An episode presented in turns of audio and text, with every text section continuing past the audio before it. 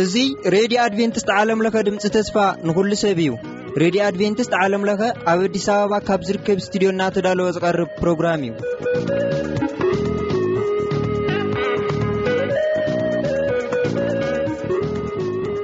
ሰላም ጥዕና ሃበና ዝኸበርኩም ሰማዕትና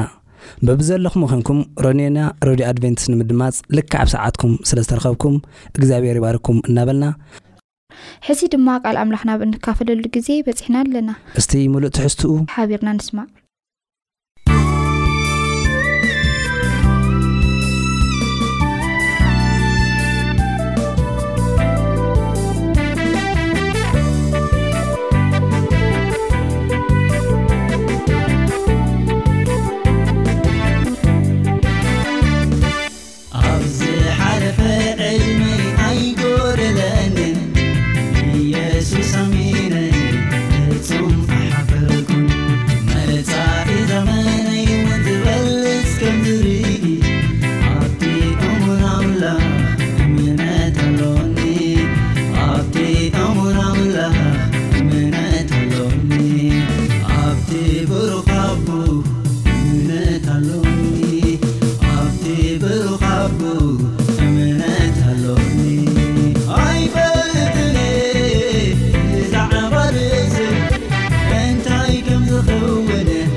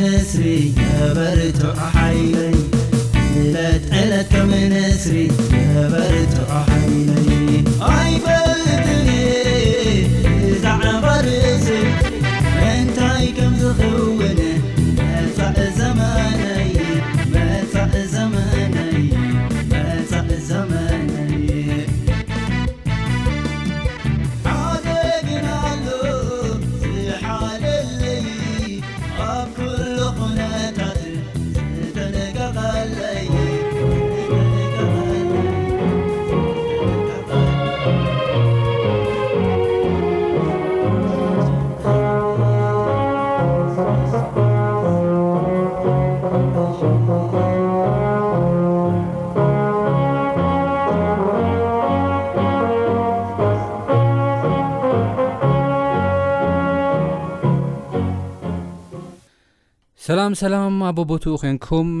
መደብና እናተኸታተልኩም ዘለኹም ክብራት ሰማዕትና እዚ ብዓለም ለካዊ ኣድቨንስ ሬድዮ እናተዳለወ ዝቐርበልኩም በቲ ሒዝናዮ ዘለና ርእስቲ የሱስ ክርስቶስ ንደቂ መዛሙርቲ ዘምሃሮም ፀሎት ኢና ሎሚ እውን ክንርኢ ከም ዝከር ኣብ ማቴዎስ ምዕራፍ ሽዱሽተ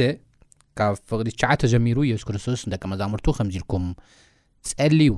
ኢሉ ኣምሂርዎም ነይሩ እቲ ጸሎት ቃላት ጥራሕ ዘይኮነስ ዓበይቲ ሓሳባት ዘለዎም ትምህርትታት ከም ዝኾኑ ንሕና ከዓ ኪንዮም እዚ ጸሎት እዚ ምጽላይ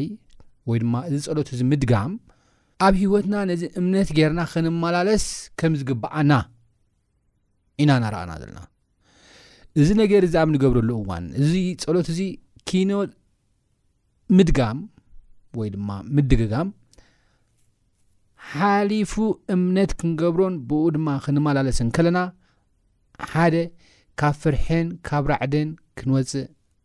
ካብቲ ዘጨንቐና ነገር ክንወጽእ ክንጋላገል ንኽእል ኢና። ንሱ ጥራሕ ኣይኮነን ካብ ኣሉታዊ ነገር ንጋላገል ጥራሕ ዘይኮነስ እንደገና ንሕና እውን ብምብርታዕ ናይ እምነት ሰማን ኮይና ደው ምባል ንኻልኦት ናይ በረኸት እንኾነሉ መንገዲ ባይታ እውን ዘጣጥሕ እዩ። ስለዚ እዚ ጸሎት እዚ ክንጅምር ከለና እዚ ጸሎት እዚ ኣብ ሰማያት ትነብር ኣቦና ሽምካ ይቀደስ መንግስትኻ ትምጻእ ፍቓድካ ከምቲ ኣብ ሰማይ ከምኡን ኣብ ምድሪ ይኹን ንዕለት እንጌራና ሎም ይሃበና ንዝበደሉና ከም ዝሓደግና ሎም በደልና ሓደገልና ካብ ክፉእ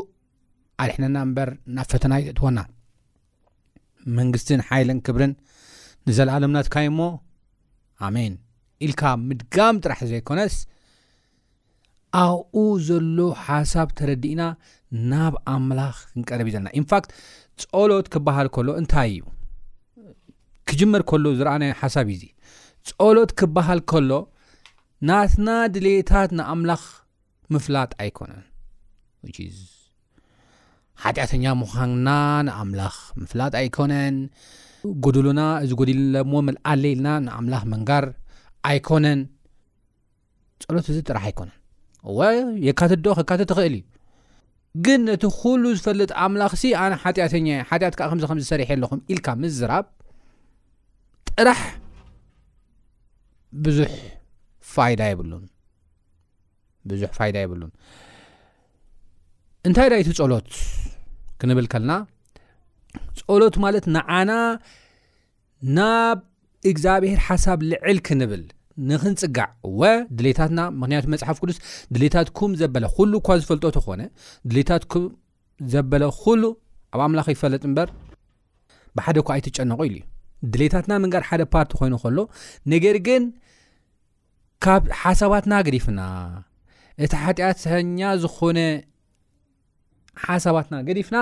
ወይ ድማ ስስዕና ኣነነትና ገዲፍና ናብ ናይ ኣምላኽ ሓሳብ ልዕል እንብለሉ እቲ ናትና መንገዲ ገዲፍና ናብ ናይ እግዚኣብሄር መንገዲ እንመፀሉ ናብ ፍቓዱ እንኣትወሉ ናብቲ ናሱ ሓሳብ ልዕል ልዕል እንብለሉ መገዲ እዩ ስለዚ ሓደ ፅሊ ሰብ ድሌታቱ ጥራሕ ነጊሩ ጥራሕ ዘይኮነ ከበቅዕ ዘሎ ናብቲ ናይ እግዚኣብሄር ሓሳብ ናብቲ ናይ እግዚኣብሄር ትልሚ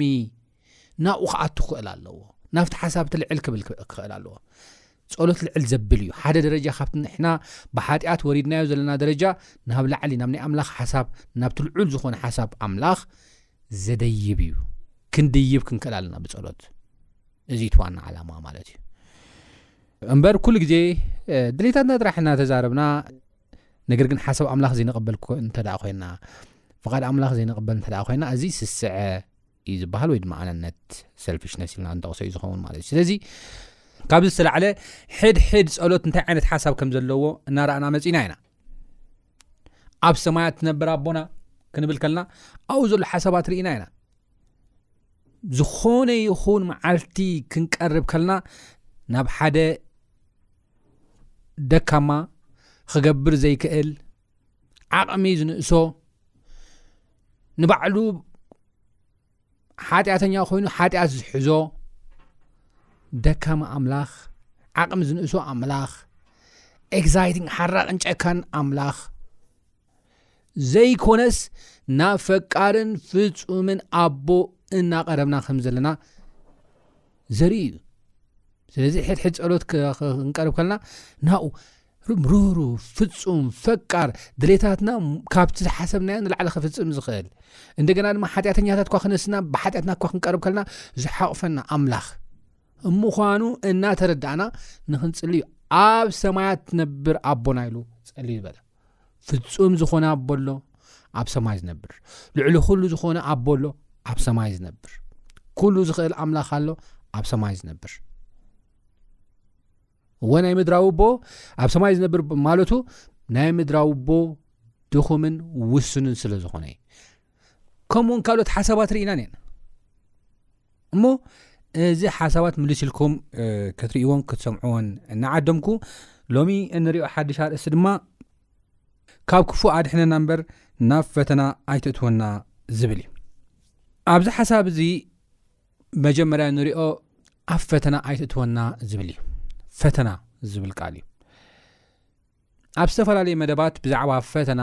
ገሊፅና ኢና ፈተና ኣብ መፅሓፍ ቅዱስ ኣብ ያቆ ምዕራፍ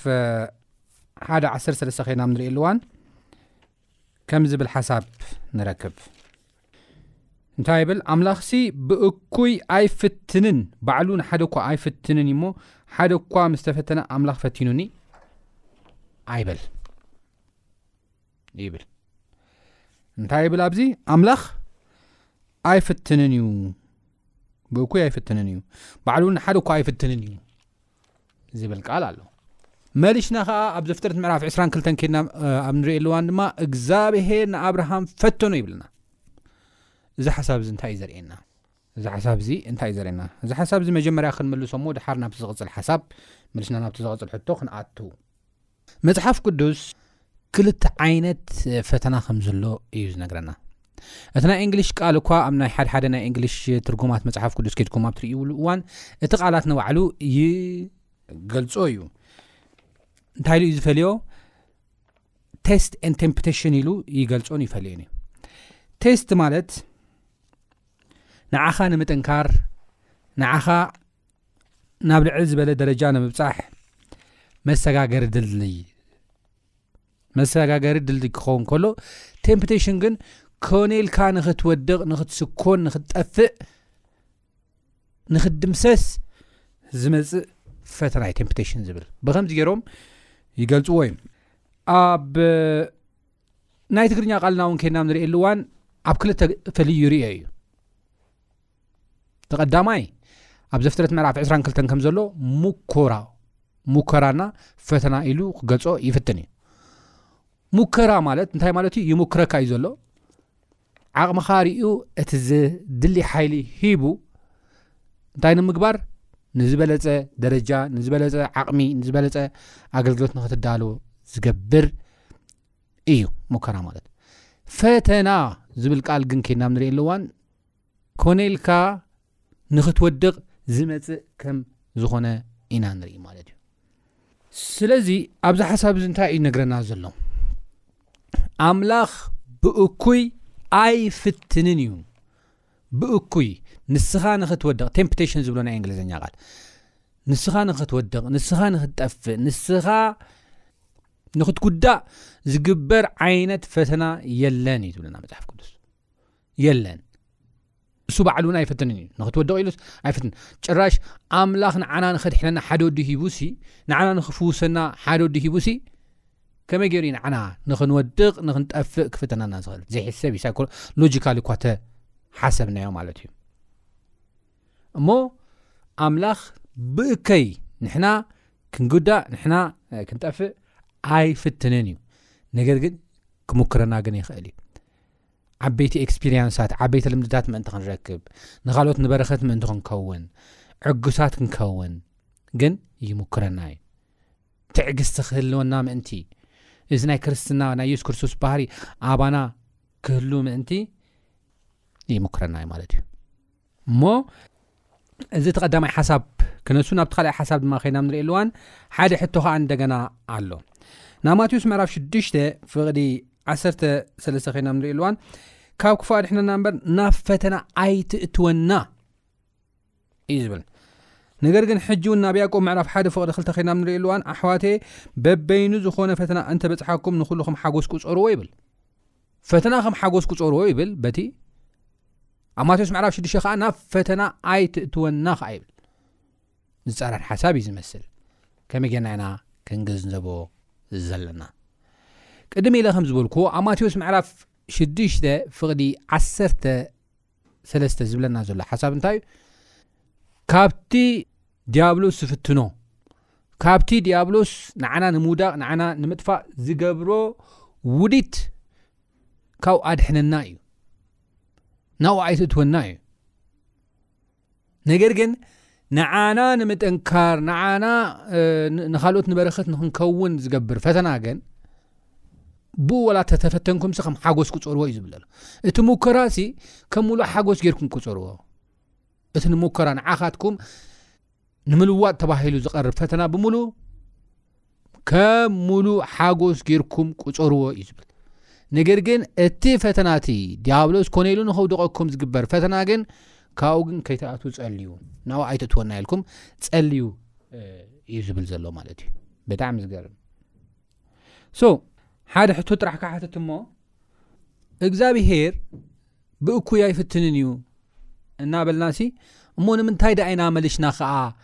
ናብ ፈተና ኣይትእትወና ንብሎ እሱ እኳ ኣይፍትንን ይብሽ ይብላ ኣሎ ያቆ ምዕራፍ ሓደ ፍቅዲ ዓሰርተ ሰለስተ ያቆ ምዕራፍ ሓደ ፍቅዲ ዓሰርተ ሰለስተ ሲ ኣይፍትንን እዩ ንሱ እናተባህለስ እንታይ ኣይትእትወና ዝብል ሓሳብ ክናይ መወዳእታ ክመለሳ ዝደሊ ሓሳብ እዩ እዚ ከርእየና ከሎ ናይ ፈተና ምንጪ ኣምላኽ ምዃኑ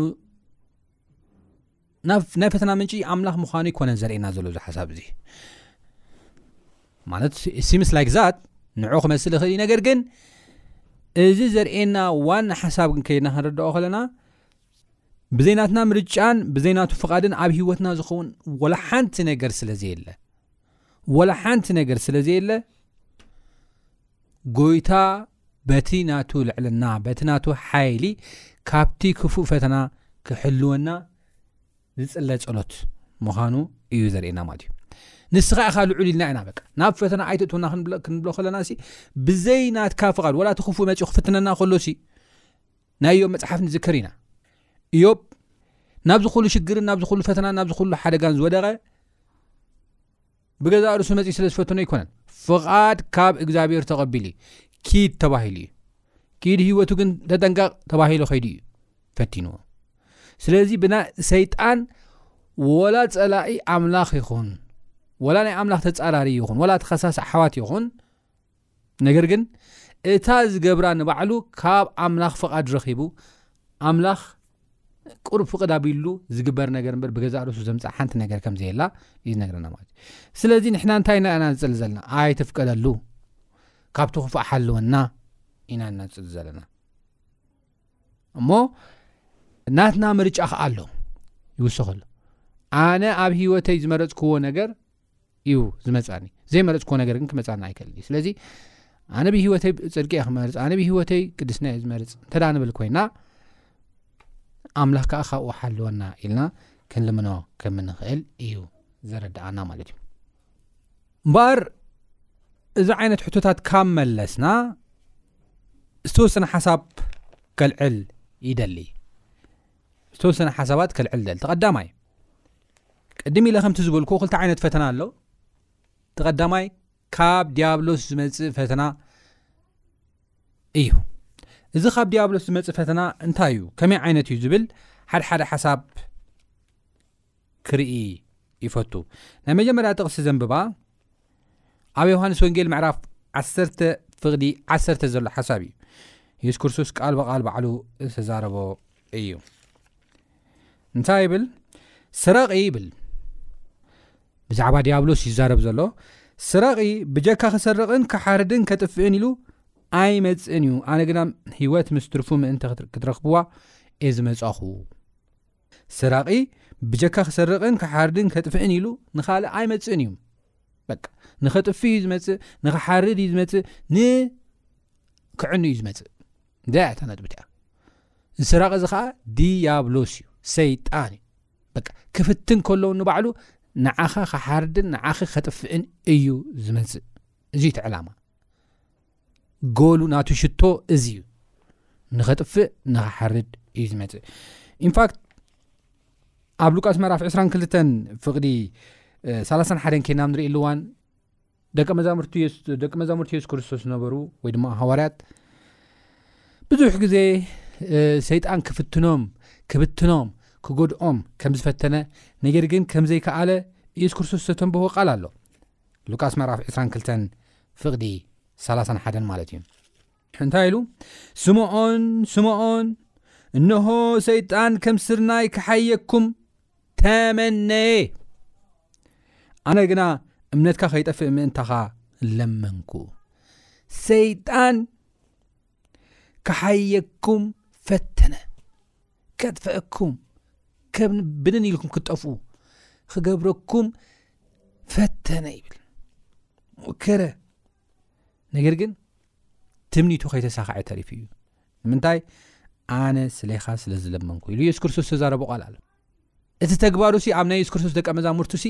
ገይርዎ እዩ ግን ተመንዩ ጥራሕ እዩ ተሪፉ ኣይከኣለን ልዕሊ ዓቕሙ ኮይኑ ክብትኖም ኣይከኣለን ሃዋርያት ኮይኖም ሽሕ ክልተ ሽሕ ዓሰርተ ሽሕ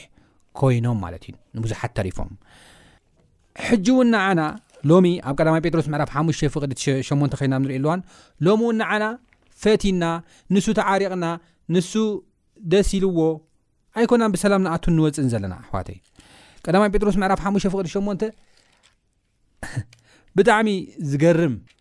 ከም ዝጓዝም ኣንበሳ እዩ ኣብ ቅድሜና ዝዘውር ዘሎ ይብለና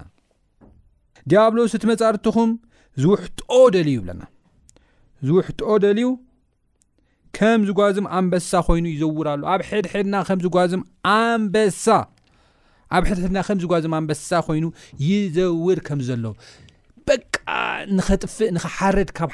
ካብ መንጎና ሓደና ንኸጥፍእ ንኸሓርድ ሕጂ እውን ይዘውር ከም ዘሎ ኢሉ ነገረና ማለት እዩ ብጣዕሚ ዝገርም እዩ ለይትን መዓልትን ኣብ ቅድሚ ኣምላኽና እናኸሰሰ ንሕና ካብ ኣምላኽና ክንፋላል ንሕና ክንወድቕ ንሕና ኣብ መከራ ንክንወድቕ ለይትን መዓልትን ከይቋረፀ ከምዝጓዝም ኣንበሳ እናፈራርሐ በቲ ድምፁ ዚዘውር ድያብሎስ ኣሎ እዩ እዚ ክንፈልጥ ክንክእል ኣለና ሳላ የሱስ ክርስቶስ ጸሎት ግን ደው ኢልና ኣለና ክብሪ ንኣምላኽ ይኹን ከምኡ እዩ ዝብል ራእይ ምዕራፍ 12 ፍቕዲ 1 እውን ከይና ንሪኦ ኣለዋን ናብ ምድሪ ተደርበ ይብለና ድያብሎስ መላእኽቱ እውን ምስኡ ተደርበዩ ኣብ ሰማይ ካብ ዓብ ዝበለ ዘምፂ እቲ ለይትን መዓልትን ኣብ ቅድሜን ኣብ ቅድሚ ኣምላኽና ክኸሶም ዝነበረ ከሳስ ኣሕዋትና ተደርቢ እሞ ሕጂ ምድሓን ስልጣን መንግስቲ ናይ ኣምላኽና ኮይኑ ምልኪ ናይ ዝቕቡ እዩ ክብል ከሎ ሰምዓኹ ለይትን መዓልትን ኣብ ቅድሚ ኣምላኽና ንሕዋት እንታይ ዝገብር ዝኸሶም ለይትን መዓልትን እዩ ዝኸስ ኣብ ቅድሚ ኣምላኽና እዚ እኳ ሓጢኣተኛ እዩ እዚ ከመይ ገይሩ ይትስእ እዚ ከመይ ገይሩ ይባረኽ እንተወሓደ ክልተ ኣብነታት ክንርኢ ንኽእል ኢና ሕጂ ንዝክሮም ተቀዳማይ እዮብሲ ዝተባረኸ ፃድቅ ትብሎ ዘለኻ ኩሉ ኣብ ኢዱ ስለ ዝመላእካሉ እዩ ንዓኻ ዝኣምነካ ዘሎ ንዓኻ ዝሰግደልካ ዘሎ ኢሉ ናይ እዮብ ምብራኽ ኣቕኒእዎ እዮብ ክዕንዎ እዮብ ከጥፍኦ ክኸስስ ከም ዝመፅእ ማእኸል ሓዋት ኢና ንርኢ ንስኻ እዮብ ንስኻ ስለ ዝባረካዮ እዮብ ዝፈርሓካ ዘሎ ንስኻ ስለ ጥዕኑ ስለ ዝኸለልካዮ ብውላድ ስለ ዝባርካዮ ብንታሽበር እዮብ ንዓኻ ብፍፁም ክኸውን ኣይክእልን እዩ ዝብሎም ነይሩ ነገር ግና መጨረሻ ርእዎ እግዚኣብሄር ብሃብትን ብውላድን ብናውትን ብማልን ስለ ዝባረኮ ዘይኮነ ሲ ብሓቅን ብመንፈስን ንእግዚኣብሄር ዝፈቱ ሓቀኛ ሰብ ከም ነበረ ግን ተፈቲኑ እዮ በዙ እዩ ነገር ግን ሰይጣን ከሲስዎ እዩ ንሱ ጥራሕ ግን ኣይኮነን ኣብ ሙሴ ን ከይናብ ንሪእኣሉዋን ሙሴ በታ ዝሰርሓ ጌጋ ናብ ምድረ ከነኣን ከይኣተወ ተሪፉ እዩ። ንሳ ድማ ኣብ መሪባ እቲ ማይ ካብ ከውሒ ሓደ ሻዕ ሕረሞ ማይ ከውፅእ እዩ ምስ ተባህለ ምስ ሃረሞ ነቲ ከውሒ ሓደ ሻዕ ሕረሞ ተባሂለ ክልተ ሻዕ ምስ ሸዓ ተወሲና ናብ ከነኣን ኣይትኣቱን ኢኻ ዝብል ጌጋዊ ድሓር ምስ ዓረፈ ጎይታ ከተስኦ ከሎ እንታይ ኢልዎ ኣይትንስእን እዩ ክትንስእ የብሉን ንሱ ጌጋ ሰሪሑ ሓጢኣት ሰሪሑ እዩ ካብ ገን ኣንተሪፉ ጌጋ ዝሰርሐ ሓጢኣት ዝሰርሐ ሰብ ከመይ ገይሩ እዩ ዝትስእ ከመይ ገይሩ ኮ ናብ ሰማይ ይኣቱ ኢሉ ክኸሶ ከሎ ኢና ንርኢ ነገር ግን ሚካኤል ትልቀ መላእኽቲ ጎይታ ይግናሕኻ በሎ እምበር ፍርዲ ጸርፍስ ክጻረፎ ኣይደፈረን ይብለና ብኡ ከዓ ስጋኸ ተላዕለ ኢና ንርኢ ማለት እዩ ምስ ተላዒልና ስለዚ እዚ ሓሳብ እዚ እንታይ እዩ ዘምህረና ለይትን ቀትርን ኣብ ቅድሚ ኣምላኽና ንዓና ይኸሰና ከም ዘሎ ለይትን ቀትርን ከም ዝጓዝም ኣንበሳ ኣብ ዙርያና ይዘውር ከም ዘሎ ለይትን ቀትርን ንዓና ክሓየና ክብትነና ከም ንፋስ ክብቁፀና ይጽዕርን ይተግህን ከም ዘሎ እዚ ክንርስዖ ዘይግባኣና ኩሉ ግዜ ክንነቕሓሉ ዘለና ነገር እዩ ነገር ግን ካብዚ ኩሉ ክሕልወና ዝኽእል ካብዚ ኩሉ ክባልሃና ዝኽእል ናይ ሰይጣን ትምኒት ትምኒት ጥራሕ ኮይኑ ክተርፍ ኣብ ሂወትና ዝምነዮ ክፉእ ነገር ትምኒት ጥራሕ ኮይኑ ክተርፍ ዝገብሮ ነገር ተሃለወ ናይ እግዚኣብሄር ጸጋን ናይ ጎይታና መድሓንና ንየሱስ ክርስቶስ ጸጋን እዩ እዚኣ እያ ናይ የሱስ ክርስቶስ ጸሎት ናይ የሱስ ክርስቶስ ሞትን ትንሳኤ ትምኒት ጥራሕ ኮይኑ ክተርፍ ገይርዎ ናይ ሰይጣን ትምኒት እዚ ክፉ ትምኒቱ ማለት እዩ ናትና ምርጫ ናይ ሰይጣን ትምኒት ንኸይሰኻዕ ገይርዎ እዩ እሞ ሎሚ እውን እዚ ኣስተውዒልና ናብ ፈተና ኣይትእትወና ኢልና ሎሚ እውን ክንፅሊ ክንክእል ከም ዘለና ምርጫና ምስ እግዚኣብሔር ክንገብር ከም ዘለና መንገድና ከነስተኻኸል ከም ዘለና እዩ ዘርእየና በዚ መልክዕ እዚ ከዓ ጸሎትና ናይ ቃል ግዜ ምንባብና እምነትና ኣበርቲዕና ምርጫና ምስ ኣምላኽ ክንገብር ከም ዘለና ኢና ንር እዚ ንገብረሉ እዋን ሰይጣን ምንም ኣባና ስልጣን ክህልዎ ኣይክእልን እዩ ንሕና እንተ ደኣ መሪፅና ኣምላኽ ተደኣ ሓልና ስታይ እሞ መን ከመይ ገይሩ እዩ ክኣቱ ዋላ ሓይለ ይሃለዎ ዋላ ጥበብ ይሃለዎ ዋላ ካሊእ ይሃለዎ ቅድሚ ኢላ ኣብቲ ናይ መጀመርያ ሓሳብ ሓሳበይ ዝተዛረብኳ ነይራ ብዘይ ናትና ምርጫን ብዘይ ናቱ ፍቓድን ኣብ ህይወትናን ዝኸውን ሓደ ነገር እኳ የለን እዩ ዝብል ሓደ ነገር ብምርጫኹምን ብናቱ ፍቓድን ኣብ ህይወትኩም ዝኸውን ዘሎ ዝኸውን ዘሎ እቲ ዝኸውን ዝኸውን ዘሎ እሞ ናትና ኣብ ምርጫ ኣስተኻክልና ምስ እግዚኣብሄር ክንገብር መንገድና ኣስተኻክልና ክንፅልን ቃል ኣምላኽ ከነንብብን ብቅድስና ድማ ክንከይድን እግዚኣብሄር ጸጉ የብዛሓልና ናብ ፈተና ኣይትትወና ኢልና ድማ ብምስትውዓል እግዚኣብሔር ናይ ፈተና ምንጪ ጌርና ዘይኮነሲ እግዚኣብሄር ፍቓዱ ንዓና ክሕሎ ክገበር ከም ዘለዎ እናተረዳእና ክንፅሊ ከም ዝግባኣና እዩ ዘርእና ማለት እዩ እዚ ክንገብ እዚ ዓይነት ፀሎት ክንፅሊ እግዚኣብሄር ይርዳእና ፀጉ ብዝሓልና ጎይታ ይባርኩም